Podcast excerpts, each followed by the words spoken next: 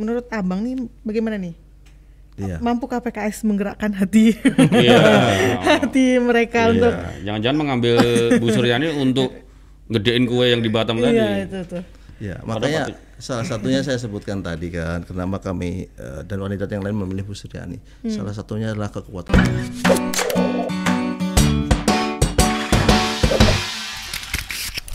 dan perempuan. Perempuan tuh oh, makhluk Allah yang kuat.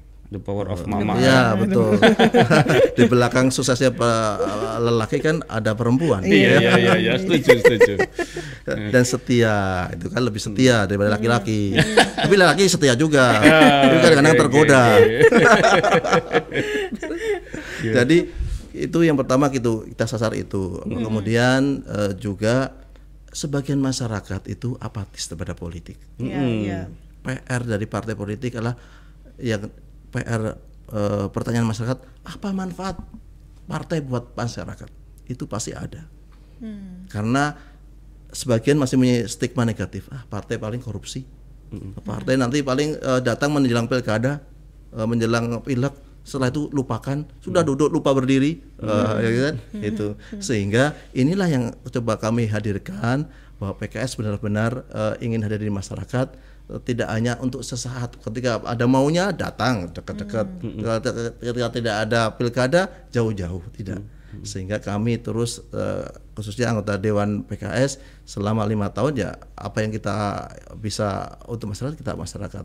Eh, itu. Dan yang ketiga adalah ya tentu saja eh, prosentasenya kan besar milenial. Mm-mm. Nah itu gimana bang? iya. Kan ter- termasuk besar bang ya? Ya besar ya, ya, di- ya, apalagi di apalagi di Batam kan perkotaan walaupun tidak sebesar di Jawa ya, yaitu makanya eh, pendekatan kepada milenial itu sangat penting Nah, itu karena Apa gimmicknya bang? ya Gimmicknya buat teman-teman muda, anak-anak milenial yang memang udah punya hak pilih nih tahun ya milenial kan cirinya independen ini. Oke. Eh, dia punya keinginan sendiri, eh, tidak bisa diatur-atur. Idealisme Ya, kita, tinggi ya. ya, harus kita dekatkanlah hobinya, misalnya apa?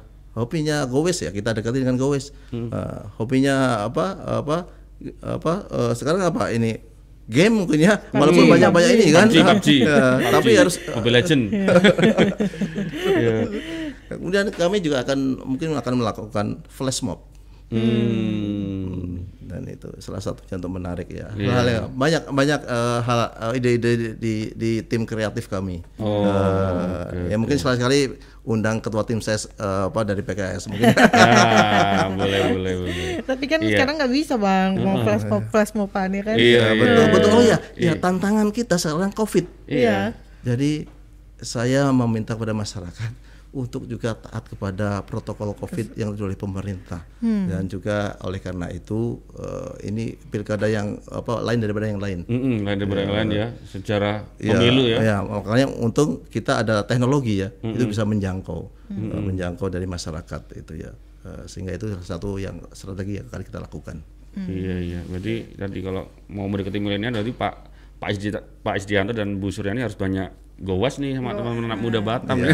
Sama games ya. Eh, eh, sama nge-games ya. betul tuh, betul. Iya kan Bu Suryani bikin PUBG tuh. Seru juga tuh. Gitu. Oke. Eh, Bang Raden ya, kalau ngomong koalisi ya, sekarang kita jadi ngomong koalisi.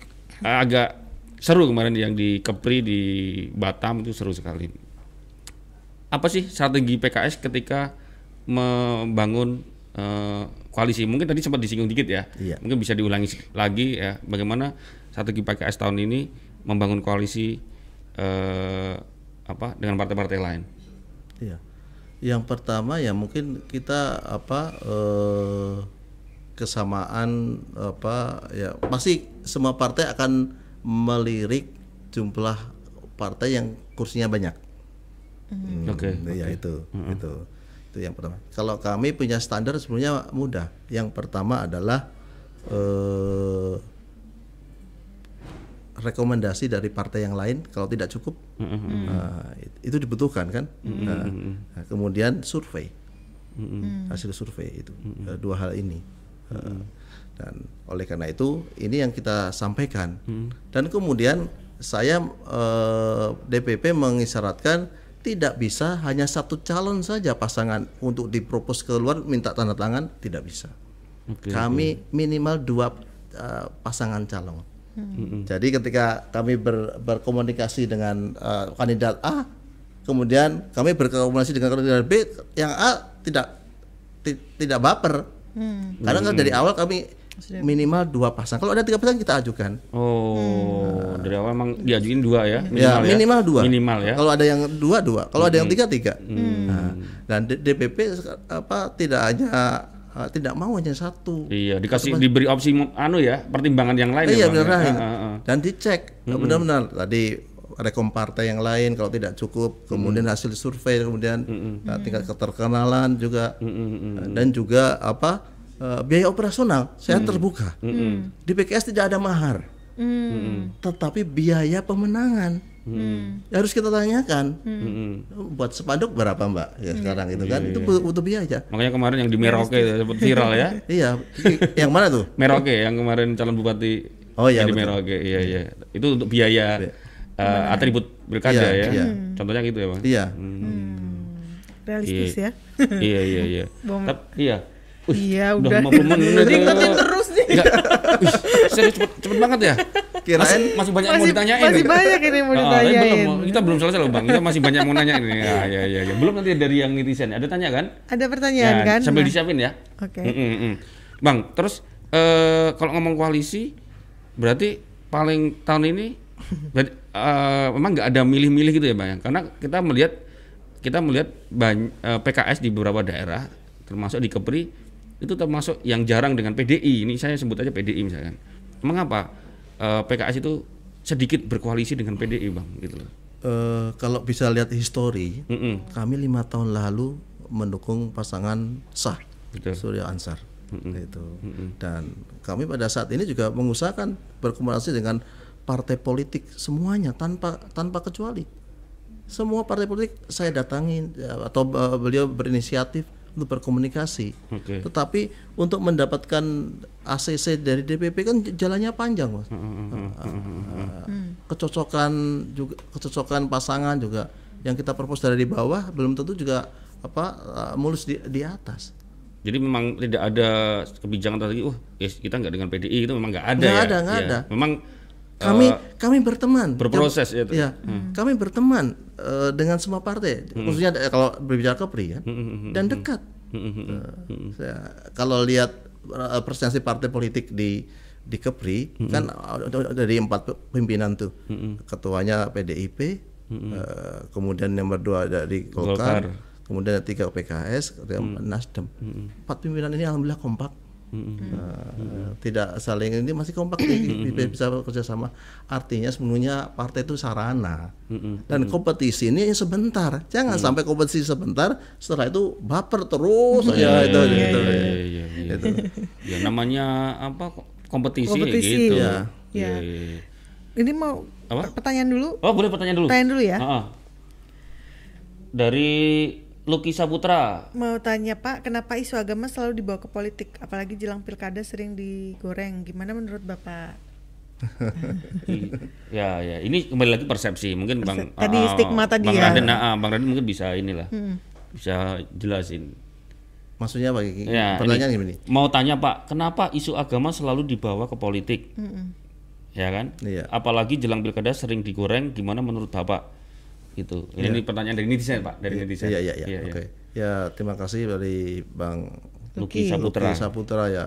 Iya, jadi di kita ini memang apa kalau pilkada ini terus terang ini tugas juga dari penyelenggara panitia juga partai-partai politik untuk memberikan pencerdasan. Eh, jadi sesungguhnya konsentrasi pilkada ini kan sudah rutin setiap lima tahun sekali.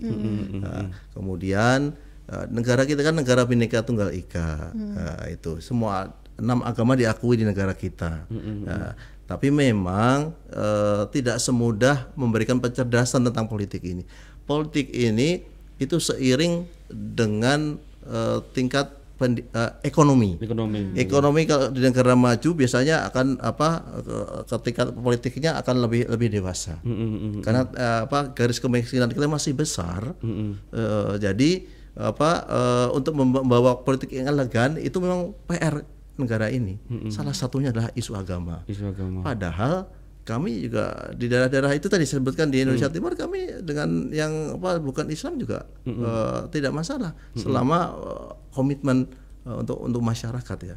Jadi memang inilah kadang-kadang ini bahwa kita tidak boleh menjelekkan pasangan yang lain, tidak apa ke kejelekan apa, pasangan yang lain, termasuk isu agama, karena negara kita cukup sensitif tentang agama. Nah, Jadi saya menghimbau kepada para apa tim ses masyarakat ya isu agama ini sebenarnya ini keyakinan kita sendiri dengan dengan yang ya, Tuhan kan?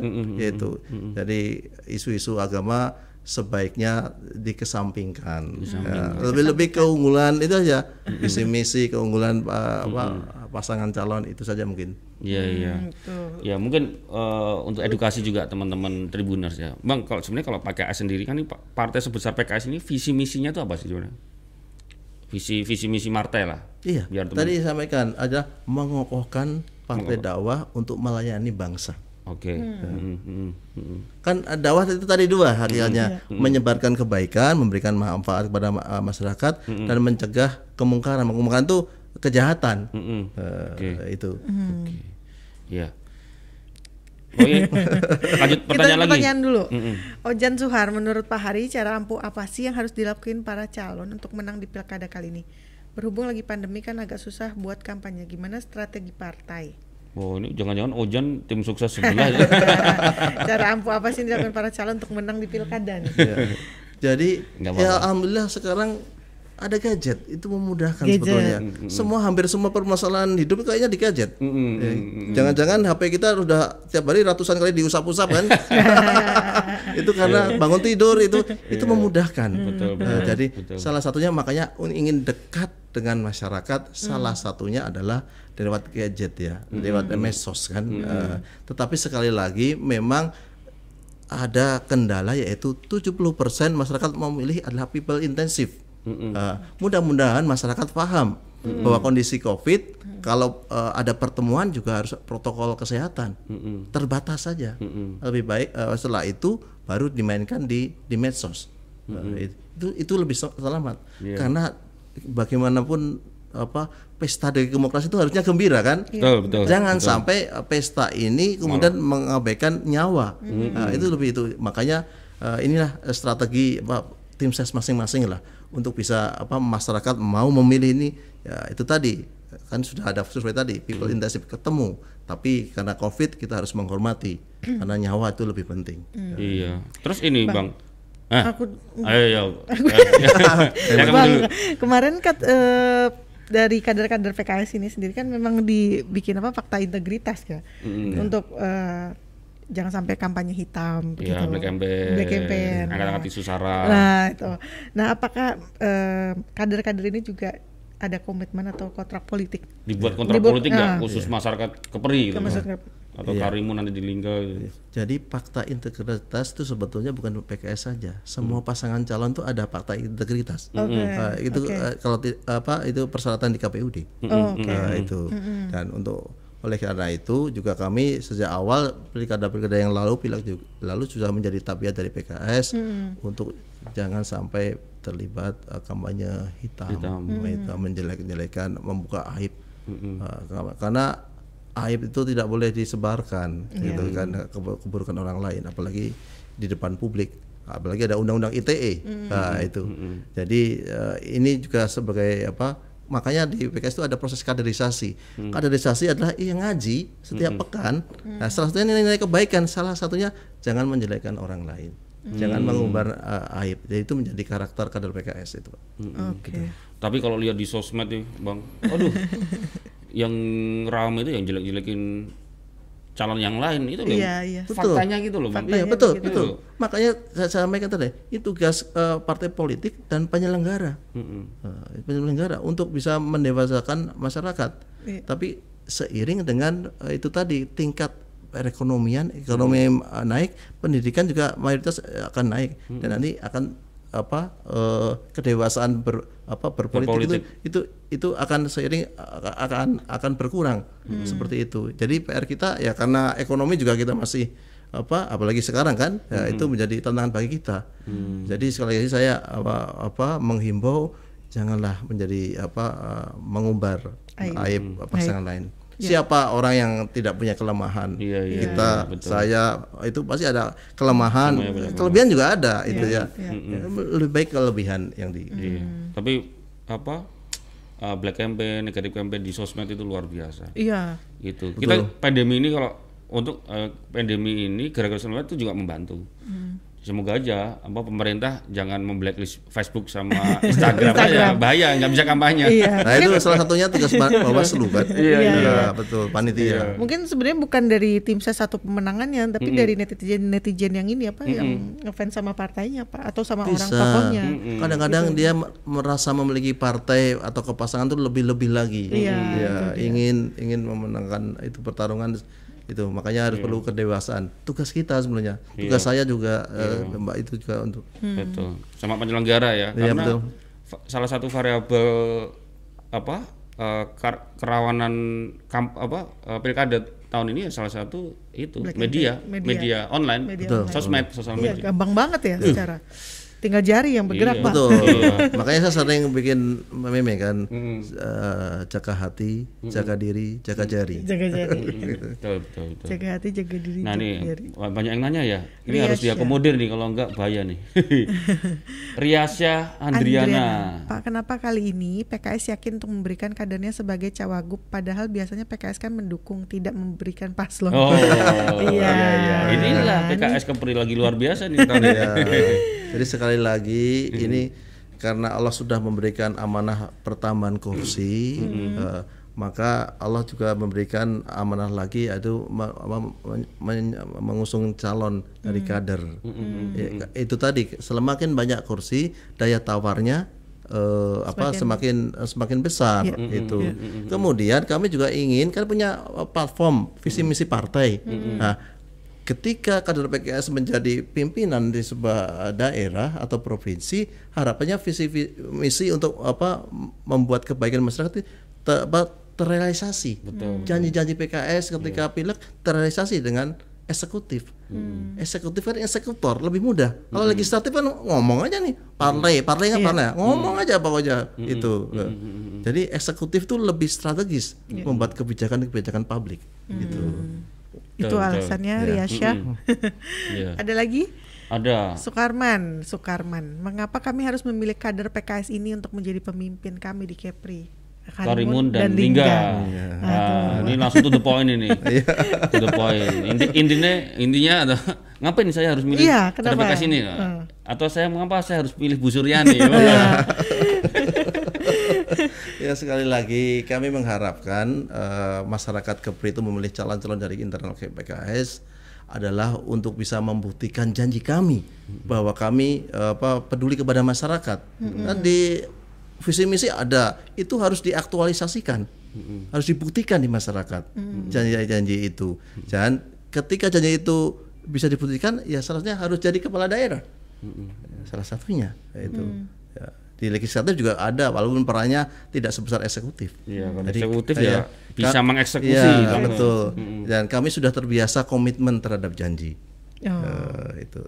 Dan juga sepanjang tahun kami juga eh, apa selalu apa turun kepada masyarakat walaupun tidak ada pilkada. Mudah-mudahan dengan jadi kepala daerah lebih lagi bisa memberikan manfaat. Hmm, mantap. Sebenarnya itu pertanyaan saya terakhir nih. Tapi udah ditanyain Sukarman. Oh, tapi yang mas- ya kita akomodir lagi nih. Saputra Pak, nih sekali lagi Pak. Saputra. Menurut Bapak, pemilih milenial itu lebih suka politik seperti apa sih Pak? Tuh. Iya betul. Jadi tantangan dari pakai partai politik, tantangan bagi ka- kandidat untuk bisa apa menarik eh, kalangan milenial. Ya. ya salah satunya adalah biasanya para milenial itu independen dan juga punya ide-ide eh, dan juga dia punya- punya kreativitas Eh, sehingga eh, para kandidat, para partai politik harus bisa eh, merayu Eh, salah satunya adalah supaya kreativitas kreativitas para milenial itu bisa terakomodir. Makanya ketika menjadi kepala daerah maka akomodir kebijakan program-program pemerintah untuk mengakomodir hobi, kebiasaan, habit daripada milenial. Itu. Betul, Oke. Harus support teman-teman Teman milenial. milenial Iya, ya. iya, iya, Karena iya. yang paling banyak apatis juga dari teman-teman milenial Betul, ya. betul. Iya, betul. Mm, mm. yang nggak anu ya nggak apa rendah partisipasinya Partisipasi juga malah milenial. milenial, betul. ya. Iyalah, ayolah teman-teman Batam Kepri tahun ini tahunnya anak muda Iya. Kepri dan Batam lah. Kita sama-sama ke Iya, TPS TPS nyoblos. harus kenal calon-calonnya seperti apa. Yes. Iya, iya, iya, iya.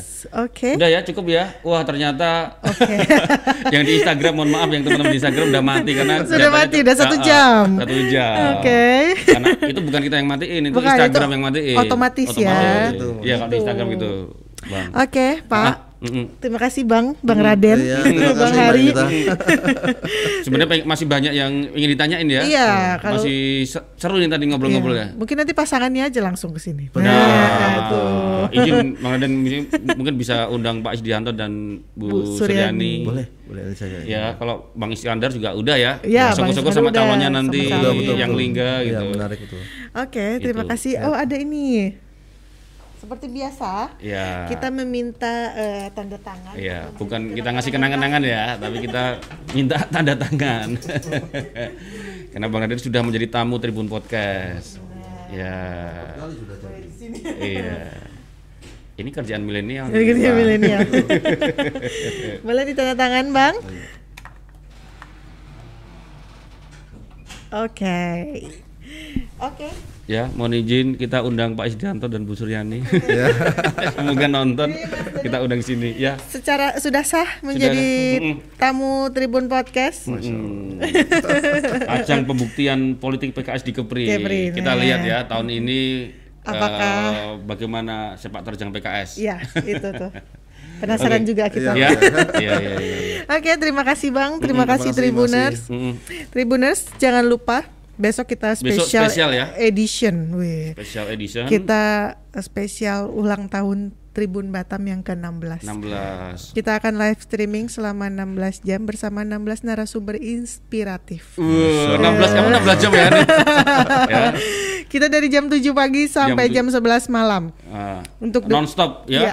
untuk kalian Tribuners. Ya. Jadi kita akan undang, mohon maaf ya, kita tidak undang public figure. Tidak. Kita akan undang eh, Sosok-sosok. sosok-sosok yang menginspirasi Ya. yang ada di sekitar di masyarakat ya. Iya, ada di sekitar kita yang mungkin bisa menginspirasi dari berbagai bidang ya. Mm-mm. Gitu. Mm-mm. Saksi- siapa aja nanti saksikan itu tunggu aja posternya Ya. di Dan Instagram. benar-benar kita. menginspirasi ya. Iya, benar-benar ins- menginspirasi cerita-cerita Betul, mereka. betul. Sudah kita kurasi siapa yang kita undang. Luar biasa deh. Iya, mungkin besok Bapak bisa nonton ya. Boleh, boleh. Selamat ulang tahun kepada Tribun. Mudah-mudahan Oke. tetap berjaya. Terima kasih Pak, terima makasih. kasih, terima kasih. Raden. Hmm. Oke Tribuners, ketemu lagi besok jam 7 pagi kita sampai jam 11 malam besok ya. Jangan lupa subscribe YouTube eh YouTube YouTube channel kita Tri- Tribun Podcast dan Ya. Instagram kita di follow ya Tribun Podcast. Dan juga jangan lupa dengerin kita di Spotify dan Anchor juga. Oke. Besok li- eh, obrolan ini juga ada di Tribun Batam Ya, edisi besok ya. besok Mm-mm. ada. Mm-mm. Jangan lupa baca koran kita. Oke Tribuners. Oke. Terima kasih. Ketemu besok. Siap.